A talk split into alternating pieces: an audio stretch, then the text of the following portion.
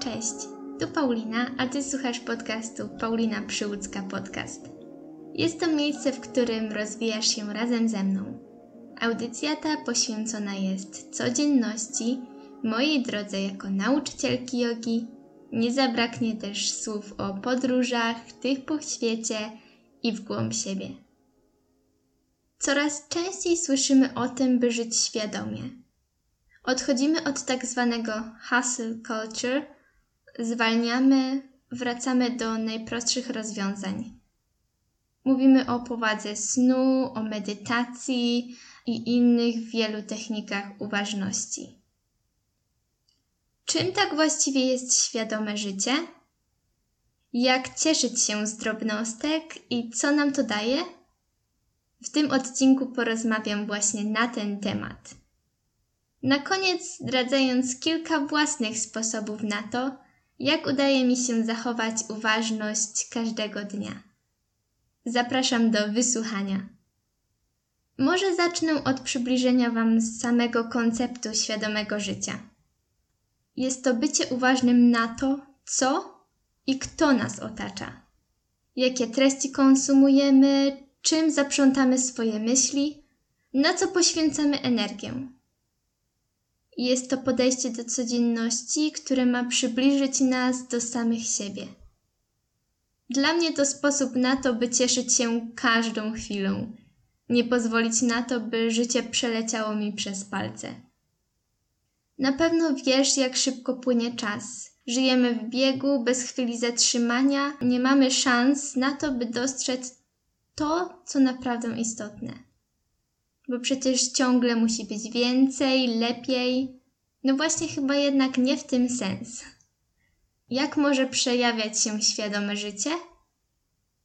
Przede wszystkim uczymy cieszyć się z drobnostek.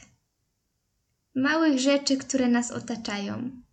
Czy to poranna kawa, chwila z książką, rozmowa z bliską osobą, Doceniamy to, co znajduje się wokół nas, zamiast wybiegać w przyszłość, nie dostrzegając najważniejszego i nie doceniając tego, co już mamy. Stajemy się bardziej wyrozumiali, a co za tym idzie, również bardziej cierpliwi. Zauważyłam to również u siebie, odkąd zmieniłam swoje podejście, odczuwam zdecydowanie mniej frustracji. Pomyśl, ile razy wyprowadziło cię coś z równowagi tak, że cała reszta dnia była popsuta i sprowadzona na straty. Jestem pewna, że na 90% tych sytuacji nawet nie miałeś, miałaś wpływu. Po co marnować swoją energię na coś, czego i tak nie możemy zmienić?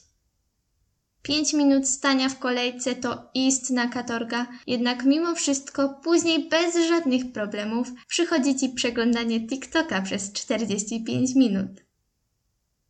W naszym życiu może przytrafiać się wiele niechcianych sytuacji, jednak to Ty decydujesz, jak do nich podejdziesz.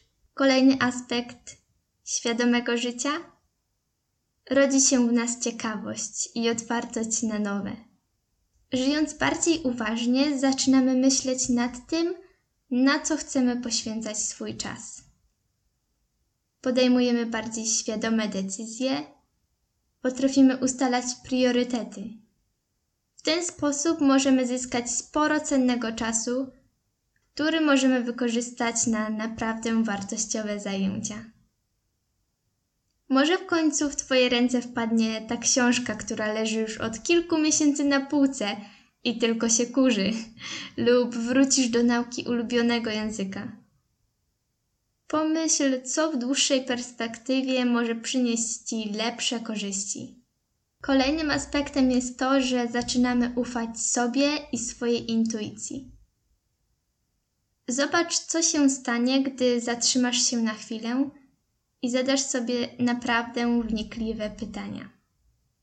Jak się czujesz? Czy naprawdę chcesz na to poświęcić czas? Jak służy mi dana sytuacja i czy chcę w nią brnąć dalej? Co jeśli nagle odpuszczę? Takich pytań, które siedzą z tyłu Twojej głowy jest mnóstwo i zapewne nawet sobie o nich nie zdajesz sprawy. Ile rzeczy robimy wręcz machinalnie, bez żadnego namysłu. Godzimy się na spotkania, na które nie mamy ochoty, bo przecież nie wypada. Jemy pierwsze lepsze jedzenie, które kompletnie nam nie służy, ale wpadło w nasze ręce i w sumie to nie chce nam się nic innego gotować. Poświęcamy swój sen na kolejny odcinek serialu, zapraszając samoświadomość do swojej codzienności. Jestem pewna, że łatwiej będzie ci powiedzieć nie na pewne propozycje. Zaczniesz słuchać swojego ciała i sygnałów, które ci wysyła, a może wręcz przeciwnie. Właśnie zwalczysz głosy, które powstrzymywały cię od podjęcia tego pierwszego kroku. Kolejny aspekt to akceptacja i odpuszczenie. Akceptacja tego, w jakim punkcie znajdujesz się obecnie. To była chyba najtrudniejsza lekcja dla mnie nad którą w zasadzie nadal pracuję, bo jest to nieustanny proces, ale akceptuję to i podchodzę do tego bardzo poważnie. Uważne podejście pozwala mi doceniać to, jak wygląda moje życie w danej chwili. Przyjmuję daną sytuację i staram się ją wykorzystać jak najlepiej. Wiem, że droga do wyznaczonego celu jest znacznie dłuższa i kręta, jednak z pełną świadomością i z pełną akceptacją zaczynam dostrzegać to, ile okazji pojawia się w trakcie. Nie wybiegam w przyszłość z zamiarem przyspieszenia czegoś, czego nie jestem w stanie. Odpuszczam wewnętrznego krytyka, który podpowiada mi, że nieustannie muszę podnosić poprzeczkę samej sobie ja właśnie taka jestem, że bardzo chciałabym dużo rzeczy naraz. Cały czas muszę coś robić. Teraz obecnie po miesięcznej przerwie, bez pracy, bez zajęcia, na które musiałabym stawiać się codziennie w wyznaczonych ramach, już trochę moja głowa zaczęła mi podpowiadać, że nie robię wystarczająco, że powinnam pojechać tam, zrobić to ale jak ważny jest również odpoczynek. I jestem pewna, że e, za parę miesięcy, gdy już moje życie się ustabilizuje, gdy będę miała ponownie to zajęcie, to będę wspominać bardzo dobrze ten czas. Chwile, w których miałam możliwość robić tylko to, co sprawia mi przyjemność, pełni się zregenerować. I właśnie w ten sposób zwalczam ten nieprzyjemny głos i pozwalam sobie na akceptację i odpuszczenie. Poprzez to mogę w pełni otworzyć się na to, co tu i teraz. Na wszystko znajdzie się odpowiedni moment, wiem już to z własnego doświadczenia. Jeśli coś ma się zdarzyć, z pewnością prędzej czy później tak będzie. Widzisz więc, że nie jest to żaden wymysł, jednak musisz pamiętać, że jest to nieustanny proces pracy nad sobą. Dostrzegania rozdrażnień, bycia nieobecnym, brania wszystkiego za pewnik, bo przecież wszystko się nam należy, wszystko mamy jak na tacy. No właśnie nie. Mimo to, chyba po tym, co powiedziałam przed chwilą, widzisz, ile wartości możesz wnieść do swojego życia. Co zatem możesz zrobić, by zacząć praktykować uważność? Znajdź swoje codzienne rytuały, które pozwolą ci się uziemić, dodadzą poczucia stabilności, coś na co będziesz czekać każdego dnia. Czy to kilka stron książki przed snem zamiast telefonu, spacer zamiast jazdy autem, a może wartościowy podcast, który zastąpi ci Zabij czas serial. Kolejny punkt: zaprowadź ciszę do swojego życia. To może wydawać się nieco podchwytliwe. Osobiście mam naturę introwertyka i uwielbiam przebywać w ciszy. Wiem jednak, że nie dla każdego może być to takie proste.